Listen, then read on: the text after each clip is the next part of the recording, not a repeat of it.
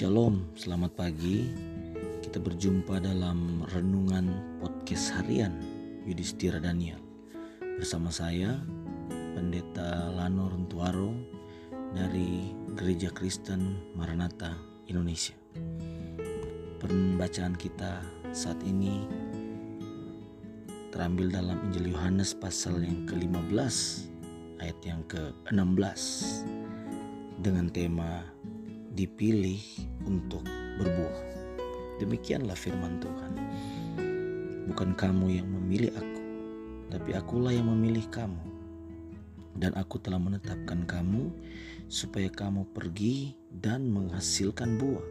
Dan buahmu itu tetap, supaya apa yang kamu minta kepada Bapa dalam namaku diberikannya kepadamu. Satu pernyataan Yesus kebenaran yang disampaikan bagi kita semua yang kita semua sudah tahu kan firman Tuhan ini. Namun berapa banyak di antara kita belum memiliki pengertian yang benar tentang kebenaran firman Tuhan ini bahwa kita dipilih oleh Tuhan. Bukan kita yang memilih Tuhan, bukan kita yang memutuskan untuk menjadi anak Tuhan, bukan kita yang memutuskan untuk menjadi pengikut Kristus, bukan kita yang memutuskan untuk menjadi orang percaya, namun Tuhanlah yang memilih kita. Yohanes pasal yang ke-6 ayat 44 firman Tuhan sampaikan bahwa tidak ada seorang pun yang dapat datang kepadaku jikalau ia tidak ditarik oleh Bapa yang mengutus aku. Jadi kita tahu bahwa semua itu dimulai dari Tuhan. Bahkan Paulus menyadari dalam suratannya kepada jemaat yang ada di Filipi pasal yang pertama ayat yang ke-6 di situ dia bilang bahwa ia yang memulai pekerjaan yang baik di antara kamu. Tuhanlah yang memulai. Kita dipilih oleh Tuhan itu atas dasar inisiasi Tuhan. Jadi kita perlu paham betul, kita perlu punya pengertian yang benar bahwa kita dipilih oleh Tuhan. Setelah itu kita masuk pada pengertian yang selanjutnya bahwa ketika kita sadar kita dipilih oleh Tuhan tidak cukup hanya sampai kita tahu Tuhan pilih kita untuk menjadi pengikutnya, untuk menjadi orang percaya. Sehingga dalam kehidupan keseharian kita bukan pilihan Tuhanlah yang terjadi, namun pilihan-pilihan kita pribadi.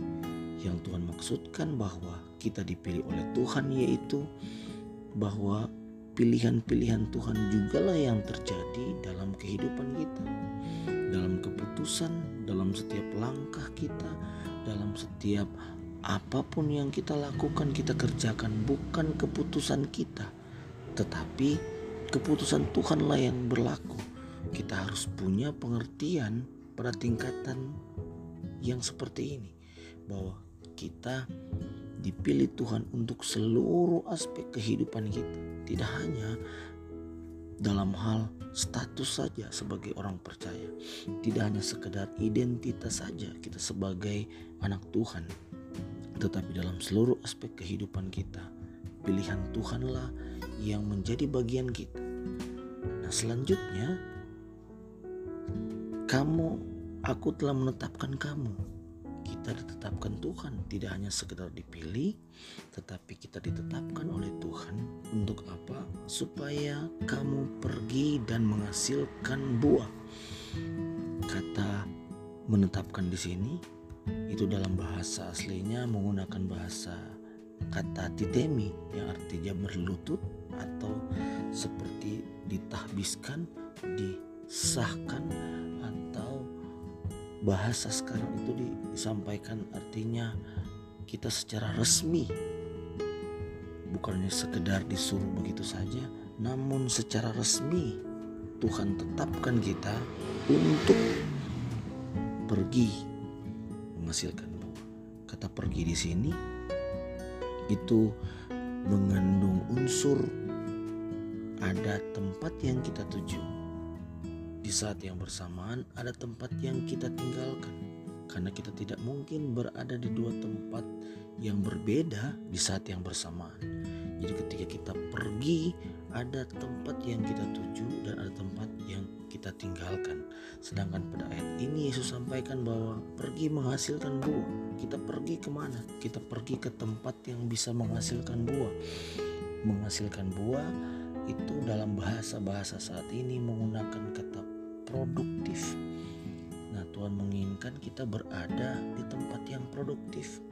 Di saat yang bersamaan Tuhan inginkan kita meninggalkan tempat, meninggalkan situasi, meninggalkan keadaan yang tidak membuat kita itu bisa produktif, yang tidak bisa membuat kita berbuah. Tuhan mau kita pergi ke tempat di mana kita bisa berbuah. Nah, selanjutnya kalau kita berbicara berbuah, kita juga perlu paham dan mengerti apa dan bagaimana proses berbuah itu. Kalau kita baca, kita googling atau kita cari informasi secara sederhana, berbuah itu memiliki pengertian adalah pohon atau tanaman yang memiliki kelebihan energi. Jadi melalui proses fotosintesis maka satu eh, tanaman atau tumbuhan itu menghasilkan energi dalam dirinya. Energi itu dipakai untuk dia bisa berakar, energi itu dipakai untuk dia bisa bertumbuh. Nah, ada pada satu uh, saat di mana energi yang dihasilkan dalam dirinya itu berlebihan. Nah, energi yang berlebihan itulah kemudian menjadi buah. Jadi buah itu adalah sesuatu yang sudah ada di dalam terlebih dahulu. Matius 12 ayat 33 Yesus bilang bahwa jikalau suatu pohon kamu katakan baik maka baik pula buahnya. Jikalau suatu pohon kamu katakan tidak baik maka tidak baik pula buah buahnya.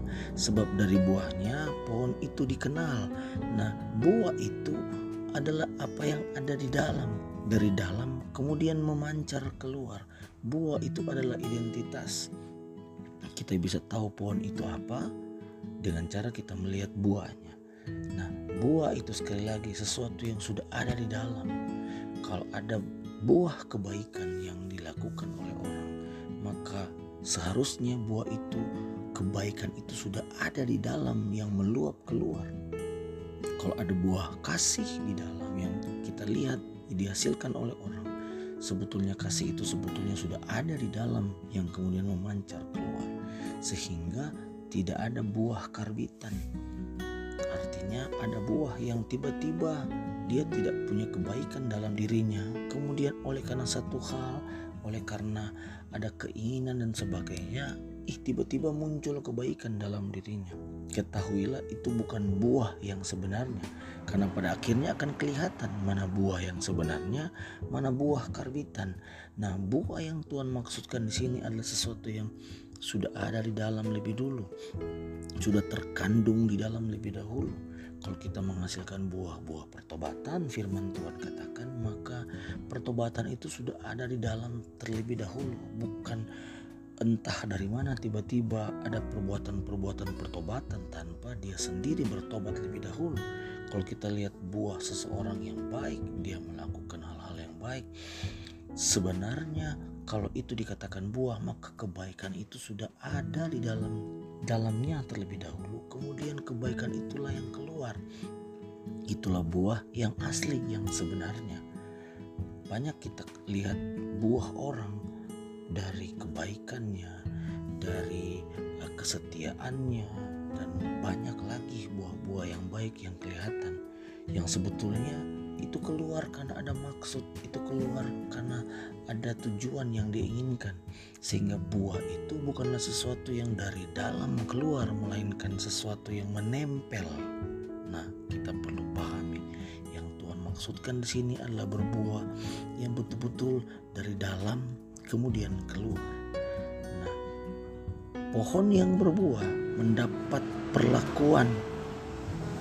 Yohanes 15 ayat yang kedua dibilang bahwa setiap ranting padaku yang tidak berbuah dipotongnya dan setiap ranting yang berbuah dibersihkannya supaya ia lebih banyak berbuah.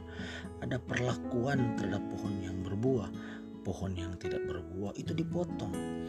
Nah, pohon yang berbuah itu dibersihkan ada waktu di mana ketika dibersihkan itu terkadang tidak mengenakan. Karena firman Tuhan katakan kita dibersihkan melalui firman Tuhan. Ketika kita dibentuk melalui firman Tuhan memang terkadang tidak mengenakan. Tapi ketahuilah kita sedang dalam proses pembersihan. Tujuannya supaya kita lebih banyak lagi berbuah. Pohon yang berbuah ada syarat supaya pohon itu bisa berbuah. Masih di Injil Yohanes pasal yang ke-15 ayat 4 dan 5 di situ dibilang tinggal di dalam aku dan aku di dalam kamu. Sederhana. Tinggal di dalam Tuhan dan Tuhan tinggal di dalam kita. Syaratnya maka kita akan berbuah. Kalau kita terkoneksi dengan Tuhan, kita nyambung dengan Tuhan, kita bisa berbuah. Kalau kita bisa berbuah, ayat yang ketujuh di Yohanes 15 bilang, Jikalau kamu tinggal di dalam aku dan firmanmu tinggal di dalam kamu, minta apa saja yang kamu kehendaki dan kamu akan menerima. Kadang kita suka ayat ini, tapi kita tidak tahu proses sampai ayat ini bisa keluar, proses urutannya sampai kita bisa meminta dan Tuhan akan memberi apa yang kita memi yang kita minta. Sederhana. Cuman terlebih dahulu kita tinggal di dalam Tuhan. Pastikan kita melekat dengan Tuhan, Pastikan kita tahu bahwa kita dipilih oleh Tuhan, kita keluar dari zona di mana kita tidak bisa produk, produktif, kita tidak bisa berbuah, kita menuju ke satu tempat, satu keadaan, situasi di mana kita bisa berbuah. Dan berbuah yang dimaksudkan adalah sesuatu yang benar-benar dari dalam keluar. Kalau itu sudah terjadi, kita sudah berbuah, maka Yesus bilang minta apa saja. Kata meminta di sini sangat penting. Yesus membahas khusus mengenai meminta. Matius pasal yang ketujuh kita tahu bersama, minta maka dia akan memberi. Artinya di sini bahwa ada jaminan bahwa apa yang kita upayakan akan ada hasilnya. Carilah, maka engkau akan mendapatkan. Ketuklah pintu dibukakan. Ada usaha yang kita lakukan, pasti ada hasil yang akan kita dapatkan. Tuhan mau kita meminta kepadanya. Itu gambaran kita akan tergan bergantung sepenuhnya kepada Tuhan sebagai sumber segala sesuatu. Meminta kepada Tuhan membuat kita menjadi uh, percaya bahwa Dia sanggup dan mampu memberikan kepada kita. Kita tahu bahwa Dia punya. Kita tahu bahwa Dia memiliki apa yang kita butuhkan. Ayat yang terakhir ayat yang ke-8 di Yohanes pasal yang ke-15. Dan dalam hal inilah Bapakku dipermuliakan yaitu jika kamu berbuah banyak dan dengan demikian kamu adalah murid-muridku. Hal yang penting kita memuliakan Tuhan tidak perlu terlalu banyak hal yang kita lakukan. Cukup berbuah. Ketika kita berbuah, maka Tuhan dipermuliakan lewat kehidupan kita. Dengan demikian, kita adalah murid murid Tuhan. Ketahuilah bahwa saudara dan saya, kita semua dipanggil, dipilih oleh Tuhan untuk satu tujuan, supaya kita berbuah. Supaya kalau kita berbuah, kita minta apa saja, Tuhan berikan. Kalau kita berbuah, nama Tuhan dipermuliakan dan kita disebut sebagai murid-muridnya. Semoga kita menyadari posisi kita. Bisa berbuah untuk hormat kemuliaan nama Tuhan. Mari kita berdoa. Kami bersyukur kepadamu Tuhan buat kebenaran firman Tuhan yang hadir bagi kami saat ini. Tuhan ingatkan kami bahwa hidup kami dipilih oleh Tuhan, bahkan seluruh aspek kehidupan kami ada pilihan Tuhan yang berlaku terjadi dalam kehidupan kami. Dan kami sadar Tuhan pilih kita untuk satu maksud dan tujuan. Supaya kami pergi menghasilkan buah. Dan buah itu adalah sesuatu yang ada di dalam kami. Yang keluar, yang meluap yang sudah memenuhi kehidupan kami sehingga hal itu betul-betul keluar terpancar buah-buah pertobatan terpancar buah roh yang ada dalam kehidupan kami dan kalau kami berbuah nama Tuhan dipuji, dipermuliakan, dan kami benar-benar menjadi murid-murid Kristus.